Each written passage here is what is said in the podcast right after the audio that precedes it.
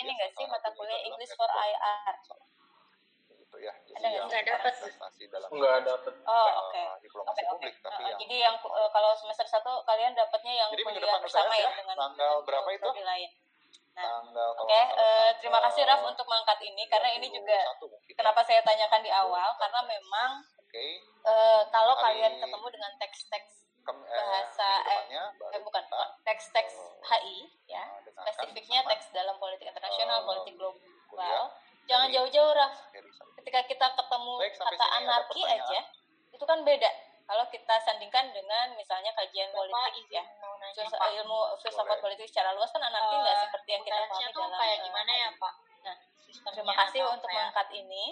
dan gitu, tentu saja nanti eh, ini baru pertemuan ke-6 nanti saya pertemuan pikirkan ke-7 dulu kita gitu. akan menggali lagi power ini dan eh, nantinya mudah-mudahan satu persatu dengan konsep akan Pak kita gali. eh, Ya, tadi kan eh, di awal ada kata compliance.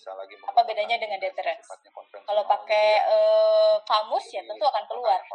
Tapi kan untuk memaknai itu sebagai eh, sesuai konteks itu yang kemudian gitu, menjadi tantangan. gitu ya Thank you Raf, thank you Raf. Kan karena saya juga ingin mengangkat, nanti silakan ditambahkan ya. ini saya Tadi yang Raf utarakan. Eh, kalau Kalau misalnya yang ini, kalian ketemu nama-nama beres ya, jadi seperti kalau kalian itu kan ada shelling di situ ya. untuk ke Eh, eh, kemudian nanti ada beberapa istilahnya Itu apa ya beberapa orang yang memang itu, begitu. karena dia cenderung 200 menggunakan rumus untuk harus- menjelaskan politik harus global apa atau politik internasional. begitu ya ini juga Itu, menjadi concern ya, saya aliran itu kemarin di rapat Disebut dengan IPOG itu, eh, aliran ya, yang sifatnya ya atau kita kita lah, saya kita itu sandingkan dengan pemahaman kita sini, terkait dengan neorealis. tuh nggak cuma di S1 Karena saja. neorealis S2 akan dan S3 menggunakan itu perlu juga pendekatan lebih, yang sifatnya sangat Makanya saya eh, masih- masih behaviorism itu ya behaviorism itu metodenya mengukur mengukur yang eh, perilaku orang mengukur kalian, kemudian eh, dan juga tidak akan yang yang sifatnya saya mendekati gitu. sains jadi yang penting Maka, adalah tadi eh, kamu akan ketemu rumus ya kita dan beberapa eh, home formula yang atau yang langsung kayaknya nggak bakal muncul kalau di social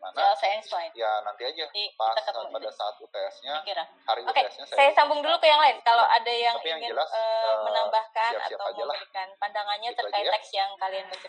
Oke, Itu mungkin. lumayan ya 34 halaman kalau nggak salah. ada pertanyaan lain? Silakan, silakan.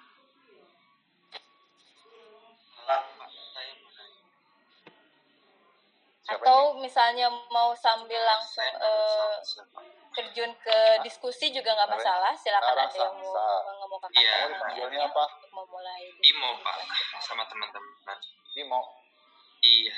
Ya sok atau pertanyaannya apa Eh, aku Iya, mau nanya Gio. soal yang nine dash line itu sih pak jadi kan itu cuman kayak Um, eh, Ah, klaim baik, Ibu. unilateralnya Ah, jadi di si China kan ya telah tadi bilang. kemarin Nah, uh, terus itu beberapa hal gimana apa in what way does that become dalam penjelasan, gitu? Uh, mengenai gitu. sanction soalnya kan kalau apa kalau misalkan itu cuma klaim itu kan ada unilateral suatu imbalan yang diberikan terhadap suatu negara atau apa masyarakat internasional Nah, gitu. Terus Di situ saya menemukan uh, itu sebuah jadi apa gitu pertanyaan. itu sih uh, Oke, apa bagaimana bagus. Uh, atau seberapa besar suatu pengaruh di mana namanya? dari adanya positif sanction sebetulnya kalian itu bisa dalam cari mempengaruhi bisa cari sendiri ya di, terhadap uh, suatu sikap atau perilaku dalam aktor internasional dalam bertindak apakah uh, saya terdapat ada faktor peta yang tertentu yang lain untuk detail dari mempengaruhi hal tersebut Uh, terima kasih mungkin itu yang adalah saya tanya uh, Ya, ya, thank imajiner Thank you mengangkat ini. China. ya. Nah, Karena tapi ada satu kalau istilah yang imajiner itu saya rasa jadi- Balvin yang, yang gitu. pertama kali mengemukakan ini Kalau dan eh, jarang diangkat kembali. Jadi saya cuma menemukan eh, konsep positive sanction ini khas sangat khas dengan dengan apa yang dikemukakan oleh Balvin. Dan dia mengangkat ini, terima kasih. Eh, kalau misalnya dua kata itu disandingkan jadi frase ya. Yang pertama ada kata positif. Kalau kita mandang positif berarti ada reward ya di dalamnya. Tapi e, menariknya Baldwin kemudian memberikan sebuah e, sandingan atau padanan dengan kata sanction. Di mana kalau kita ketemu kata sanction, konotasinya pasti negatif. Konotasinya pasti punishment. Nah, hal yang menarik dikemukakan tadi seperti yang dia utarakan, e, contoh daripada contoh real daripada positive sanction tentu ada ya. Eh, salah satunya eh, saya sempat utarakan di saya saya rasa di kelas A 2019 belum di sini, belum di kelas ini. Terkait dengan letter of intent Indonesia yang ditanda- ditandatangani oleh Indonesia tahun 98. Nanti kalau teman-teman saya rasa juga belum lahir ya tahun 98. Nanti silakan bu- buka sejarah Indonesia tahun 98. Nah, itu adalah bentuk real daripada positive sanction tadi. Bentuknya adalah eh, ketika kenapa ada kata sanction, yuk. Sanction itu mengacu pada eh, kan kalau yang namanya negara itu secara secara pemahaman kita dia otonomi. Tidak ada otoritas yang yang kemudian bisa bisa melampaui otoritas negara kalau misalnya kita masuk ke anarki. Nah, ketika masuk ke bentuk positive sanction, dia mengacu pada eh, limitasi atau pembatasan opsi-opsi yang bisa dimiliki oleh negara. Tapi tidak menggunakan koersif atau tidak menggunakan seperti eh, nanti kita belajar soal ini yuk eh, terkait dengan adanya blokade dagang ya itu itu akan kita kita itu akan kita temukan. Nah di situ ada ada instrumen ekonomi tapi sifatnya eh, negatif bukan positif.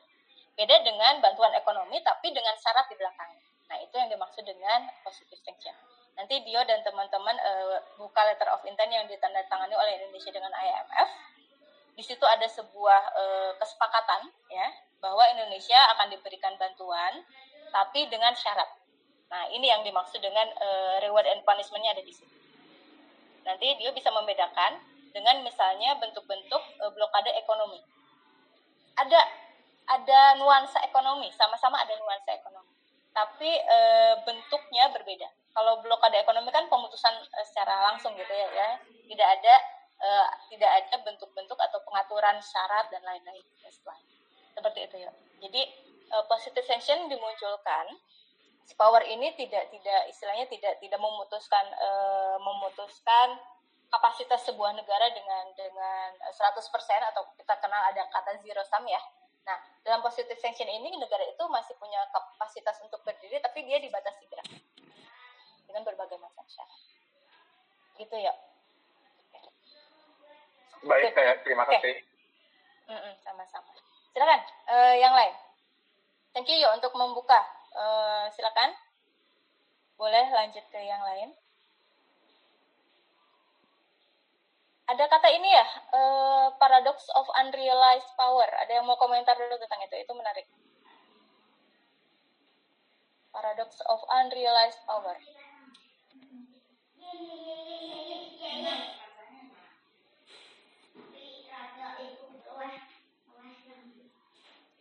eh kalau misalnya ada kata kuncinya berarti unrealized tadi. Itu kan artikel tahun 79 ya. Kalau misalnya kalian kontekstualisasikan dengan tahun 2021 nih. Indonesia punya nggak sebuah bentuk power yang masih belum difahami atau masih belum di belum disadari sebagai sebuah bentuk eh, power. Kalian ini opini aja, opini aja, silakan. Kita eh, kita- kita gali bareng-bareng. Bu, saya ingin dari pendapat. Boleh, boleh. Silakan, Kai. Tadi kalau misalkan yang tentang unrealized power itu yang se- sepaham saya dari artikel yang saya baca itu kayak eh, kesalahpahaman dalam memaknai power gitu ya Bu, kalau nggak salah. Nah, terus kalau buat kan contohnya di artikel itu misalnya eh, negara Arab, negara Arab itu Yes. sebenarnya punya kekuatan apa ya istilahnya mereka punya senjata tapi mereka nggak tahu cara makainya gitu. Nah kalau untuk Indonesia sendiri kalau menurut saya eh, apa dari eh, kekuatan kekuatan unrealized powernya itu dari sumber alamnya gitu bu. Jadi eh, apa ya kayak sekarang kita lihat Indonesia itu punya eh, sumber power eh, dari alam. Cuman kita tuh nggak tahu cara eh, ngeksploitasi yang baiknya gimana dan keburu di apa ya istilahnya diambil alih sama eh, negara asing gitu bu. Kalau dari saya gitu sih bu kurang lebih. Terima kasih. Thank you, thank you, thank you. Makasih banyak. Thank you. Oke, lanjut dulu kita nanti saya eh, kasih komentar. Thank you. Baik, bagus sekali. Silakan. Ada yang mau menambahkan? Kalau. Silakan Pak. Eh, Aris juga Aris. Mangga, silakan. Nah, namanya dari baik mungkin geografi juga ya teh lokasi kita yang di antara dua di antara dua samudra karena eh, ya udah jelas kita kan um, strategis banget cuman kita juga masih kurang dalam apa pengetahuan saya alutsista eh, angkatan lautnya kapalnya masih kurang untuk mempatroli semua batasan laut yang sangat luas yang kita punya gitu ya itu yang belum terrealisasi. Hmm, Good. Tadi ada eh, dari baik ada ada sumber daya alam ya. Kemudian di sini kita berbicara dari Faris ada geografis ya. Oke, silakan. Pak, Kalau mau menambahkan Pak? eh sebenarnya Indonesia memiliki power yang belum terrealisasikan itu lebih spesifik ke maritimnya sih bu. Eh Hmm. dia kayak Indonesia punya eh, laut yang sangat luas tapi belum punya kapabilitas untuk mengelolanya gitu sih. Kalau menurut saya gitu. Ya, setuju. Jadi, eh, thank you. Dari tiga dulu nanti silakan menambahkan ya. Eh, eh, tiga hal tersebut adalah eh, atau kalau masuk ke dalam konteks Indonesia terkait dengan sumber daya alam, kemudian ada geografis dan kata maritim. Ternyata maritim itu bukan cuma masalah laut ya, tapi set, ya, mindset bagaimana kita meng- eh, mengoptimalisasikan eh, segi geografis kita. Dan mungkin kalau kalian perhatikan yang namanya letak Indonesia kan nggak pindah ya sejak tahun berapa tuh eh, munculnya Nusantara. Kemudian tahun 45 kita kita hadir menjadi Indonesia. Baru tahun berapa? 2000 eh, saya lupa 2014 gitu ada konsepsi poros maritim yang dikemukakan pertama kali oleh eh, Rizal Sukma ya. Ingat eh, eh, yang itu lulusan HI juga tuh Pak Rizal itu lulusan HI sekarang saya rasa di- dia jadi duta besar Inggris kalau nggak salah. Atau eh, Korea saya lupa nanti silakan dicek. Nah ini hal yang menarik untuk diangkat. Terima kasih tadi eh, memberikan sebuah konteks yang yang secara strategis bisa kita temu, eh, kita letakkan di Indonesia. Karena yang namanya laut itu tidak pernah ke mana-mana ya tapi baru disadari sebagai sebuah bentuk power. Dan kemudian eh, untuk nanti bisa dikonversikan menjadi sebuah influence lain soal ya. Tapi kita maknai dulu bahwa bahwa eh, keberadaan laut adalah sebuah bentuk eh, power. Itu secara eh, formulasi kebijakan baru tahun 2014 kalau saya tidak salah. Nanti dicek lagi. Jadi memang ini satu hal yang menarik terkait dengan eh, paradox of unrealized power. Dia ada di depan mata kita tapi kemudian banyak negara yang skip gitu. Nah ada satu negara saya akan berikan eh, pembandingan bagaimana kemudian dia bisa eh, menjadikan sebuah eh, isu ya sebuah isu menjadi sebuah realized power se- menjadi sebuah power yang terrealisasikan. Eh, saya sebut nanti bisa didiskusikan lebih lanjut ya. Saya sebut satu negara yaitu Turki. Nah Turki punya kekuatan yang kemudian dia sodorkan menjadi kekuatan eh, istilahnya apa ya kekuatan branding kekuatan eh, kekuatan persepsi yang disodorkan ke eh, Uni Eropa. Ada yang mau coba tebak apa power yang di eh, yang disodorkan oleh Turki? Um, mungkin karena letaknya Bu, soalnya Turki itu terletak di wilayah benua Asia sama Eropa. Oke, thank you Najwa. Ada yang lebih lebih eh, kalau itu kan kita ngerti ya, kalau itu kita realize, kita realize. Coba yang yang yang nggak kepikiran, power yang nggak kepikiran, yang kemudian dimainkan dengan sangat baik oleh eh, Turki. diaspora teh Diaspora, hmm, belum belum. Mm-mm. Thank you, Riz. Thank you. Ada ada yang mau coba? Satu lagi.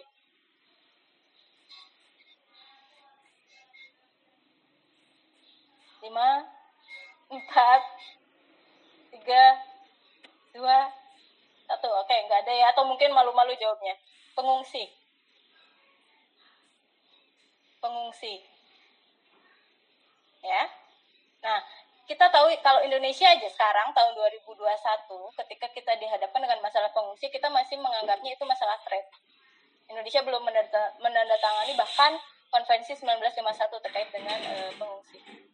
Nah, Turki di lain pihak dia memainkan eh, jumlah pengungsi yang kemudian memang alamiah dia berada di wilayah yang eh, tet- negara tetangganya beberapa negara tetangganya konflik tapi eh, si keberadaan pengungsi di, di di di Turki itu dimainkan dengan sangat baik dan eh, menyatakan bahwa negara kami sangat eh, terbuka dengan pengungsi dan mau beritikat baik untuk itu Ma- masa sih Uni Eropa tidak mau menganggap negara kami sebagai negara yang yang responsibel?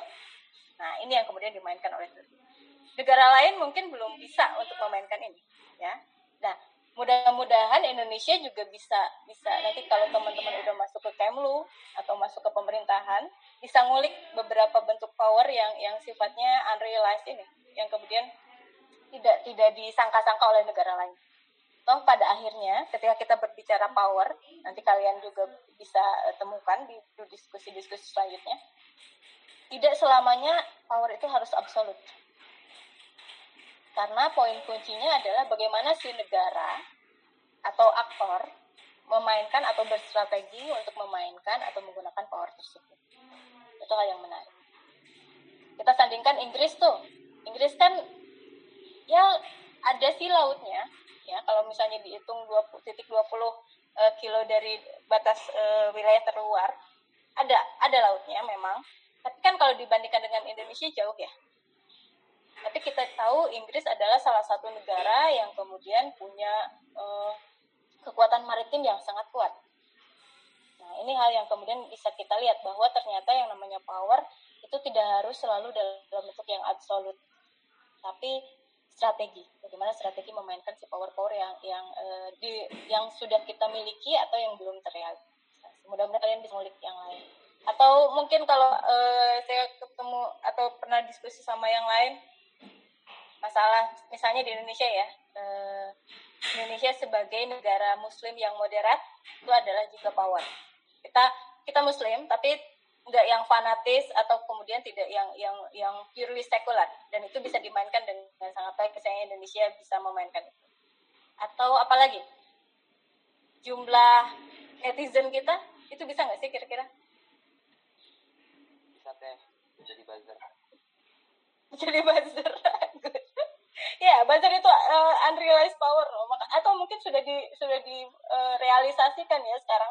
Karena pemerintah juga sekarang akhirnya buzzer gitu kayak gitu good, good bagus jadi uh, tujuan daripada diskusi kita terkait dengan unrealized power itu ternyata yang namanya power itu bukan yang bentuknya real saja bukan uh, yang sifatnya militer kemudian ber, uh, berbagai macam hal yang yang sifatnya bisa terukur tapi hal-hal yang kemudian bisa awalnya tidak kita sadari tapi kemudian bisa di, direalisasikan tadi. Good. Thank you. Thank you. Thank you. Silakan langsung masuk ke pertanyaan selanjutnya. Silakan ada yang mau uh, menambahkan atau, mau bertanya.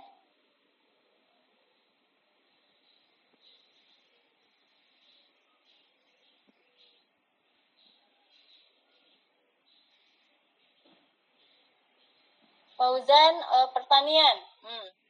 Ini menarik dan pertanian. Mudah-mudahan sudah bisa mudah-mudahan bisa jadi uh, poros ini ya, poros apa? Poros padi atau apa tuh? Mudah-mudahan. Tapi sejauh ini belum uh, belum belum ke sana. Ya, silakan.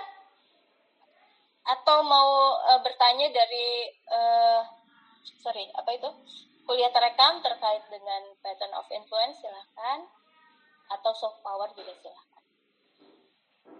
Jadi tidak terbatas dari yang yang artikelnya Baldwin saja.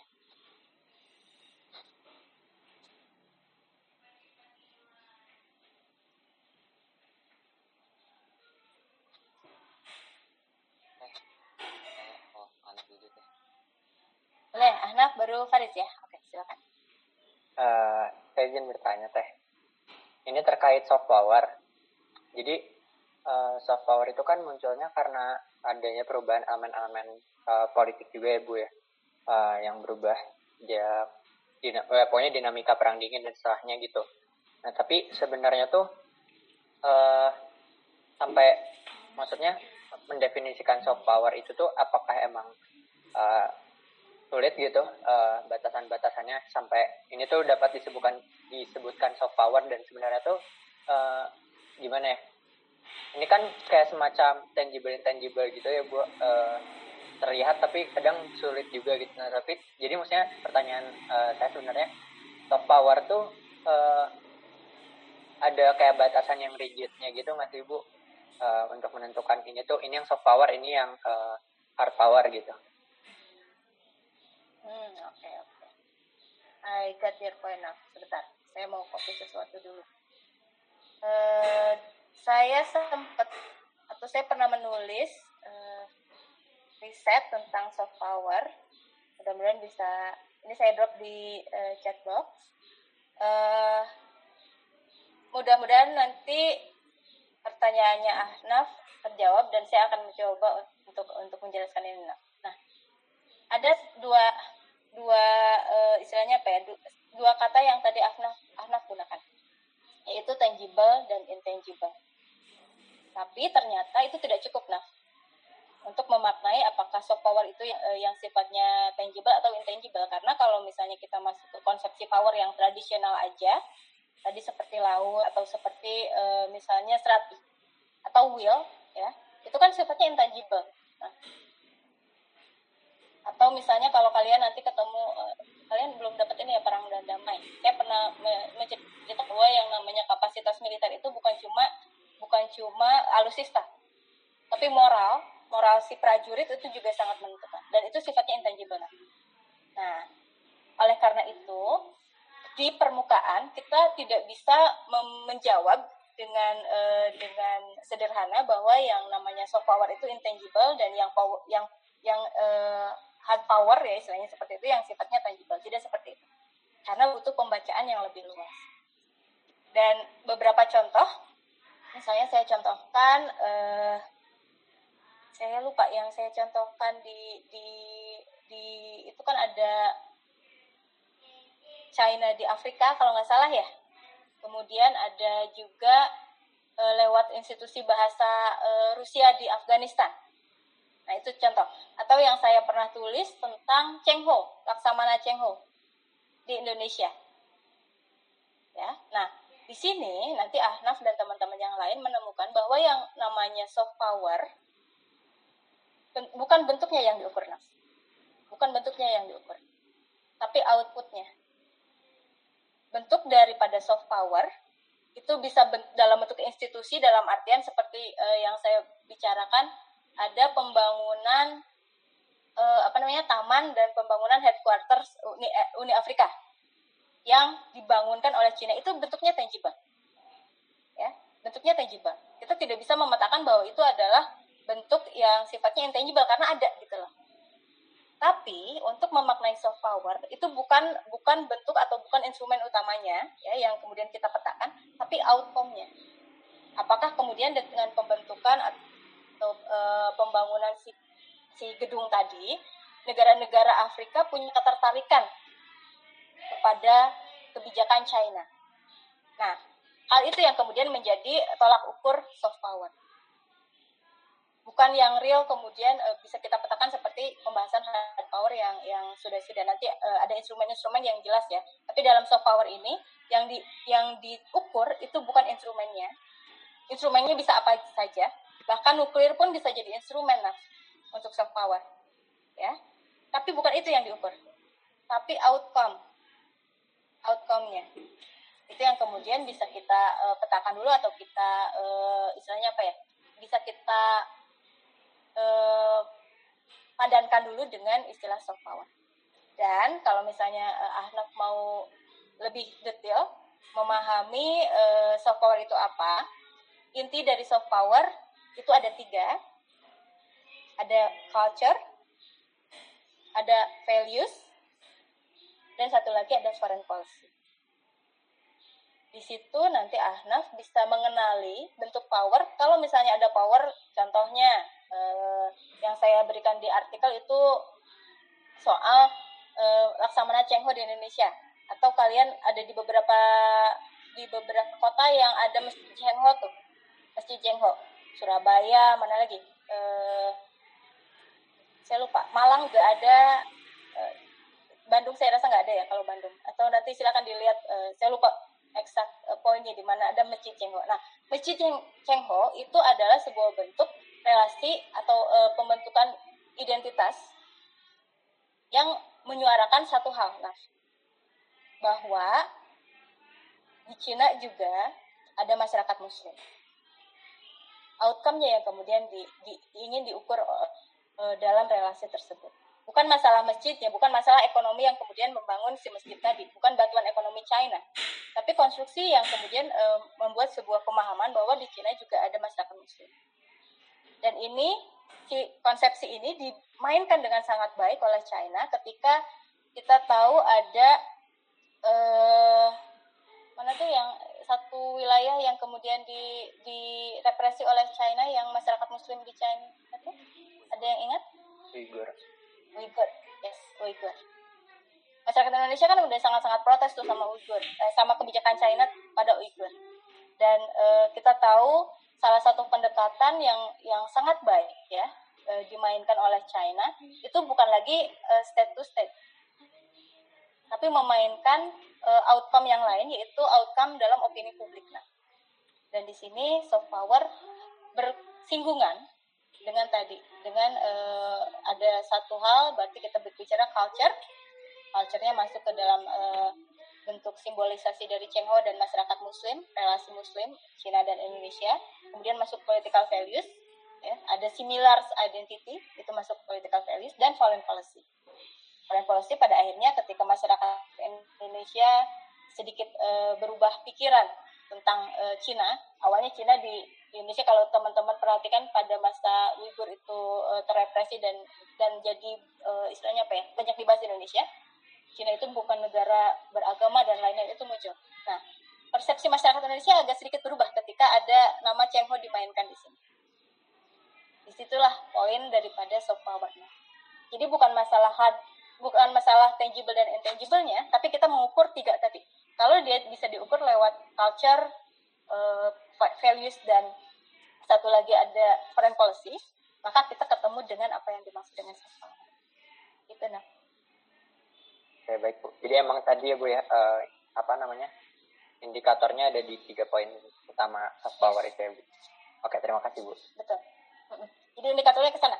Kita nggak kita nggak lagi ketemu dengan pemahaman power yang tangible dan intangible karena soft power pun bisa kita temukan dalam bentuk yang baik itu tangible atau intangible.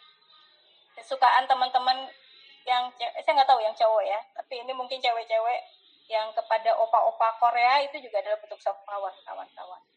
Walaupun nggak mempan untuk saya. Saya selalu cekoki opa Korea tapi nggak pernah mempan entah kenapa soft power Korea Selatan.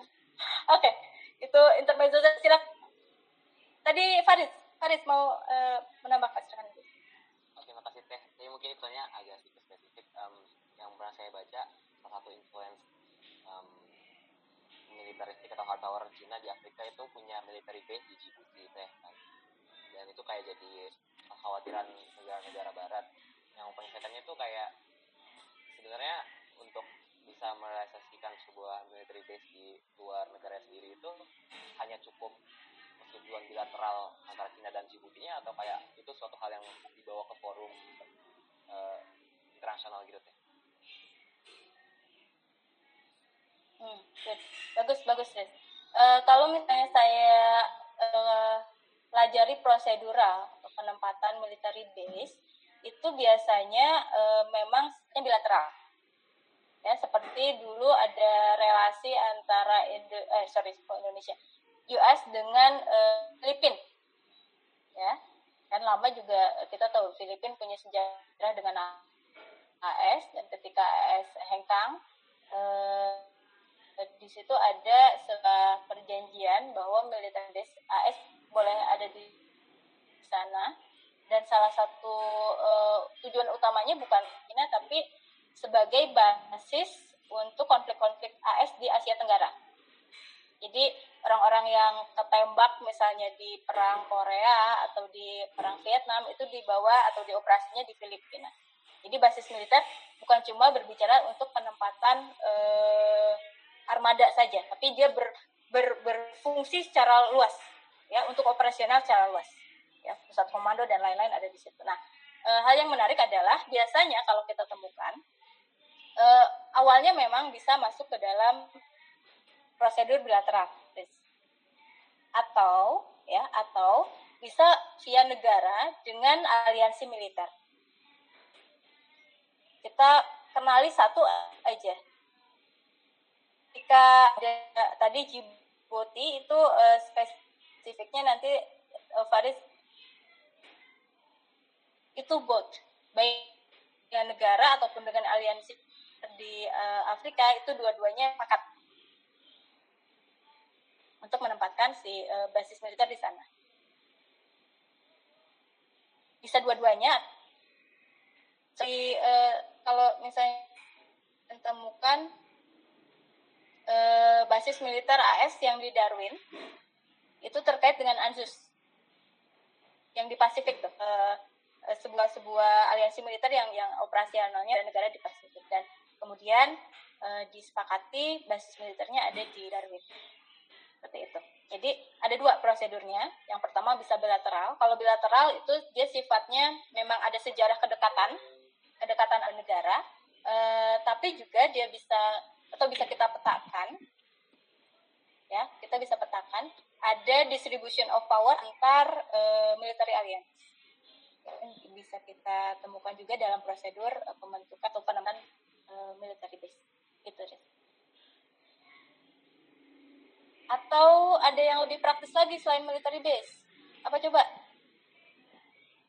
Ada yang lebih praktis lagi, nggak usah ribet bikin perjanjian apa coba? Kapal induk, kapal induk, ya kapal induk itu fleeting around the world berfungsi dengan sangat baik sebagai uh, bentuk uh, basis yang bergerak. Dan kita tahu e, kapal induk Amerika sudah nangkring di Selat Hormuz sejak kapan tahun gitu ya. Walaupun belum belum ada bentukan e, bentukan apa istilahnya e, pergerakan ke Irak Irannya belum ada. Dia sudah nangkring di situ di Selat. Yang kiri untuk mengangkat terus. Oke, okay. silakan yang lain. Uh, Ibu mau nanya, tapi sebelumnya maaf Bu off cam. Ya, nggak apa-apa. Silakan, Tri. Uh, Bu mau nanya, kan uh, saya tuh tempat baca kalau misalnya negara Skandinavianya itu sistem ekonominya dia punya state welfare fund sendiri kan Bu, yang artinya uh, apa sih negara mereka itu gak begitu produktif secara ekonominya, jadi mereka cuma muter-muter duit dari dalam negeri, termasuk duit safe mereka sendiri. Nah, uh, saya tuh sempat baca juga kalau ternyata negara Skandinavia ini tuh menginvestasikan uangnya itu ke beberapa negara termasuk Cina sama Indonesia juga. Nah, pertanyaan saya, bisa nggak sih Bu soft power Skandinavia ini tuh uh, mempengaruhi uh, perilaku Cina? Sementara kita tahu kalau misalnya Cina tuh udah jadi dominasi di global itu sendiri. Gitu sih Bu. Hmm, oke oke okay, Nesri. Uh, Nes, satu hal yang kemudian uh, uh, harus katakan dulu ya Nes. Tapi ini menarik, thank you untuk mengangkat ini. Jadi saya saya jadi uh, terbantu untuk menjelaskan poin yang akan saya utarakan. Untuk membuat sebuah soft power berfungsi itu costly, mahal, mahal. Harus dikatakan itu mahal ya seperti kita tahu uh, jadi. ingin melakukan sebuah dominasi tapi dengan jalan yang memutar. Seperti itu Nes. Contohnya uh, seperti industri uh, budayanya Korea Selatan itu kan bukan bukan dalam singkat dan bukan kemudian bisa dilakukan dengan harga yang murah. Itu cukup paham. Yang kemudian kita bisa sandingkan dengan Hollywood dan lain-lain bagaimana industri budaya bisa bergerak uh, dalam kapasitasnya sebagai soft power, bisa dinyatakan bahwa uh, soft power itu mahal. Nah, untuk beberapa negara, Nes, negara-negara uh, itu tidak selamanya ingin uh, memunculkan diri sebagai hegemonic power. kan semua sebuah negara yang memunculkan diri sebagai uh, istilahnya apa ya sebagai pemegang kekuasaan utama dalam dalam konteks politik global negara Skandinavia tanpa harus mahal-mahal memunculkan atau membentuk soft power mereka sudah cukup dengan dirinya sendiri dan nggak e, perlu untuk itu nah sering kali nantinya minggu depan kita akan spesifik berbicara seperti ini Nes soft power bisa juga jadi indikator untuk negara-negara yang thrive atau strive to become hegemonic power. Itu jadi indikator lain. Negara-negara yang thrive atau ingin memunculkan diri sebagai hegemonic power itu biasanya memainkan eh, bentuk-bentuk uh, soft power. Nah, Skandinavia itu negara yang saya sepakat dengan Nesri tadi, dia negara yang sifatnya uh, swasembada, mencukupi dirinya sendiri, dan saya rasa Skandinavia tidak memainkan uh, uh, tidak memainkan atau tidak punya logika-logika yang ekspansif seperti US dan dan dan China. Dan itu yang kemudian membedakan bentuk-bentuk power yang dimainkan oleh Skandinavia atau uh, dan US dan sebagainya kayak gitu Nes. Saya tidak menyatakan bahwa tidak ada soft power sama sekali ya. Uh, Nesri juga bisa petakan yang namanya uh, Copenhagen School itu kuat ya Copenhagen School kalau kalian nanti uh, gali lagi terkait teori HI dan itu cukup kuat dan dan, permainan soft powernya ada di tataran tersebut. Tapi bukan kemudian kita memetakan bahwa Skandinavia mau memunculkan diri sebagai uh, tataran hegemoni power kayak gitu Nes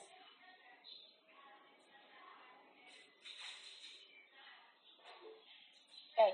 uh, ya kalau berbicara berbicara Skandinavia kita kayak bicara uh, dimensi lain karena dia punya tatanan politik yang uh, berbeda dengan sistem Eropa Tuhan juga dalam tataran global yang lainnya tapi tentu saja uh, dia menjadi sebuah sebuah istilahnya ya, karakter yang unik dalam politik global.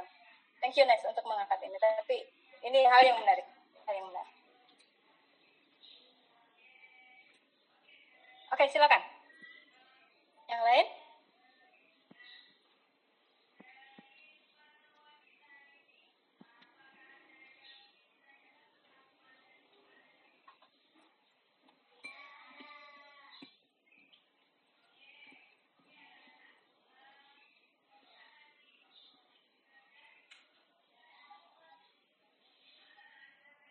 Ada lagi silakan. Saya oh, Nabila, Nabila. Uh, Nanti dia, ya silakan. Uh, jadi uh, kan pasti yang Baldwin itu saya ada baca kalau uh, sebenarnya kita itu kayak udah nggak bisa lagi nge kategoriin negara-negara itu kan kayak middle power, uh, small power gitu-gitu karena itu kan kita jatuhnya jadi menggeneralisasi padahal power itu kayak punya banyak uh, klasifikasi atau spesifikasi yang lain-lain. Nah berarti uh, uh, kalau konteksnya dalam hegemonic power itu berarti dia punya power yang banyak-banyak di klasifikasi bentar bentar ya bu. Kayaknya agak susah ini di oh jadi kayak dia kan punya banyak uh, power itu kan kayak punya banyak klasifikasi kan.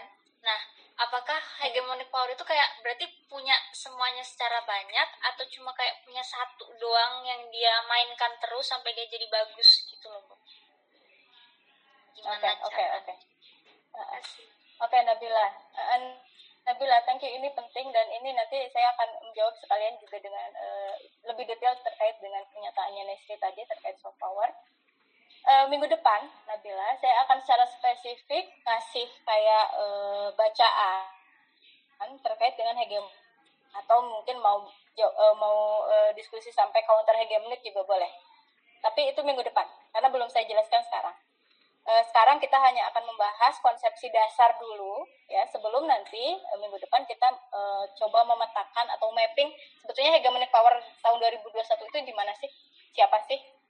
Main powernya apakah cuma pakai militer aja atau ada bentuk power yang lain nanti akan kita uh, diskusikan minggu depan ya Kalau misalnya mau di uh, intip juga silahkan. Saya sudah kasih bukunya di uh, saya lupa di perkuliahan ketujuh ya ada US and BRICS. Nah itu nanti silakan uh, Nabila akan menemukan sebuah tabel di situ.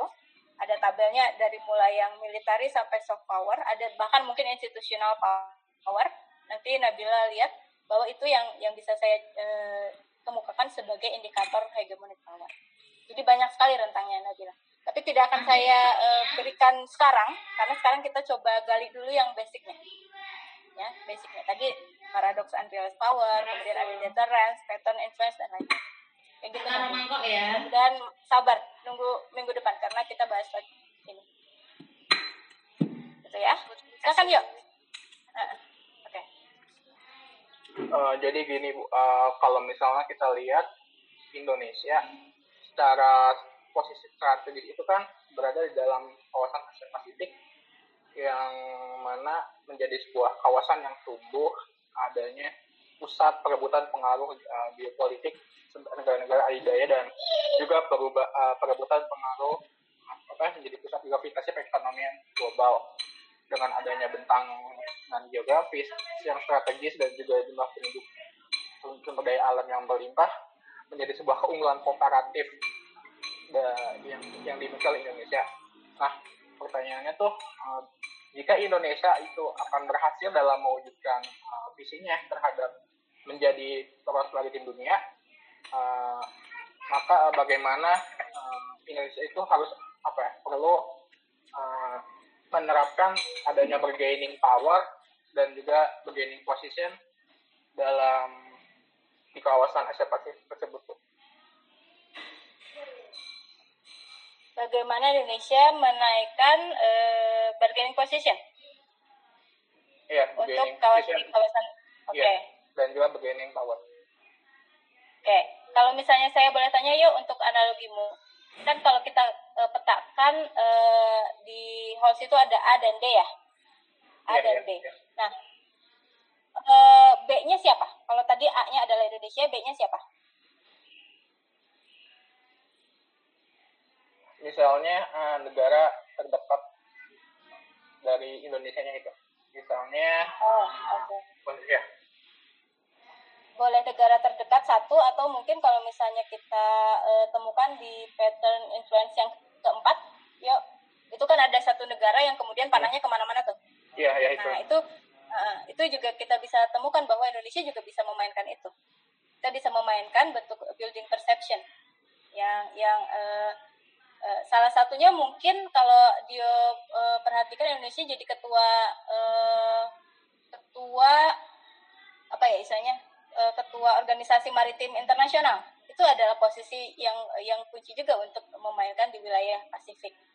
Dan uh, kalau misalnya tadi dari analoginya Dio meningkatkan bargaining position Indonesia di wilayah Asia Pasifik berarti kan kita tidak ketemu sebuah relasi yang sifatnya A to, A to B ya A to B. Tapi e, Indonesia memancarkan seluruh powernya ke sistem internasional dan tujuannya adalah untuk membuat persepsi itu salah satunya kalau misalnya kita ketemu dengan institusional maka e, jangan jangan lupa yuk bahwa kalau misalnya yang namanya power eh sorry uh, relation influence the act of influence itu relasinya ada empat. Kita bisa pakai yang military alliance apakah Indonesia punya military alliance di uh, di Pasifik ya kalau misalnya mau diukur nih. Poin yang kedua apakah Indonesia punya relasi konsensus dengan negara negara di Asia Pasifik salah satunya mungkin uh, nanti dia bisa uh, cari tahu bahwa Indonesia menyediakan diri untuk menampung pengungsi iklim dari Kiribati dan Vanuatu. Nah, itu juga salah satu bentuk relasi yang dimunculkan. Jadi kita main tuh di masalah-masalah lingkungan di Asia Pasifik. Indonesia kalaupun tidak menerima pengungsi dari wilayah konflik Suriah dan lain-lain, tapi kita eh, sempat ada sebuah indikasi untuk menerima pengungsi atau istilahnya climate refugee, ya istilahnya seperti itu dari Kiribati dan Vanuatu. Itu salah satunya eh, relasi yang kedua. Relasi yang ketiga kita bisa mainkan dominasi, tapi ini saya tidak sarankan karena kalau dominasi eh, ada bentuk-bentuk koersif ya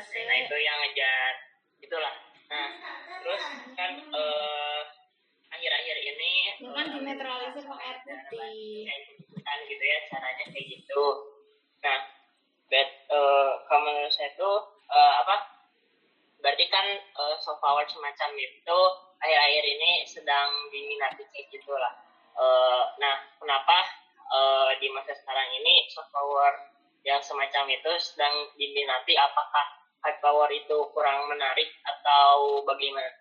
Terima kasih. Oke, nanti eh, coba diulik lagi, eh, Maulidan. Kalau misalnya Maulidan mau tahu kapan soft power itu muncul atau diskursus soft power itu muncul, eh, tarik ke tahun 2000 ketika Joseph Nye mulai memunculkan konsepsi tersebut. Jadi memang awalnya si Nye ini tahun 2000-an mem- memunculkan eh, konsepsi itu. Nah, yang kemudian menarik adalah di ada dua hal yang ingin saya eh, berikan di eh, di di lewat video yang di mention oleh Maulidin tadi yang disebut oleh Maulidin. Yang pertama, eh, pemain soft power yang awal atau katakanlah yang yang sering menggaungkan dengan negara yang punya soft power kuat itu bahkan bukan di Asia awalnya Maulidin.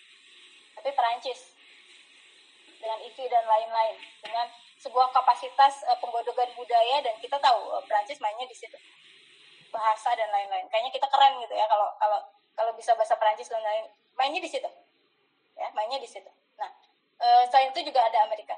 Ke sini-sini baru masuk Asia. Asia baru memainkan itu baru-baru ini sebetulnya. Jadi memang dari dari dari kapasitas eh, Sinai ketika dia membuat sebuah teori itu dilihat dari pengamatan dia eh, dalam memetakan powernya AS dan negara-negara di Eropa. Seperti itu. Maulidan. Dan ke sini-sini kemudian Korea eh, Selatan, ada Jepang lewat apa tuh manga dan lain-lain tuh ya. Anim ya dan lain-lain itu juga memunculkan sebuah bentuk soft power yang cukup kuat. Eh, yang menarik, poin yang kedua yang saya ingin eh, berikan di sini adalah kalau kalian perhatikan yang bikin video tersebut adalah eh, Lee Kuan Yew Public School of Diplomacy. Jadi yang bikin orang Singapura. Makanya Singapura include menjadi salah satu dengan soft power yang yang cukup tinggi. Dan di sini main, di sini contoh aktif dari soft power dimunculkan. Kalian bikin video yang sangat baik dengan eh, search engine operation yang kalau misalnya orang-orang googling pasti muncul si video tadi ya, kayak gitu, bikin SEO yang baik, itu main soft power di situ. Dan kalian bisa eh, mengutarakan values kalian, culture kalian, atau mungkin nanti bisa disandingkan dengan foreign policy kalau misalnya mau dijadikan sebuah soft power yang yang utuh gitu ya. Nah di situ mainnya eh, konteks soft power tadi. Jadi eh, kenapa muncul? Pertama eh, jangan lupa diskusi kita minggu kemarin Maulidan bahwa sering kali eh, teori is always for someone and for some purposes.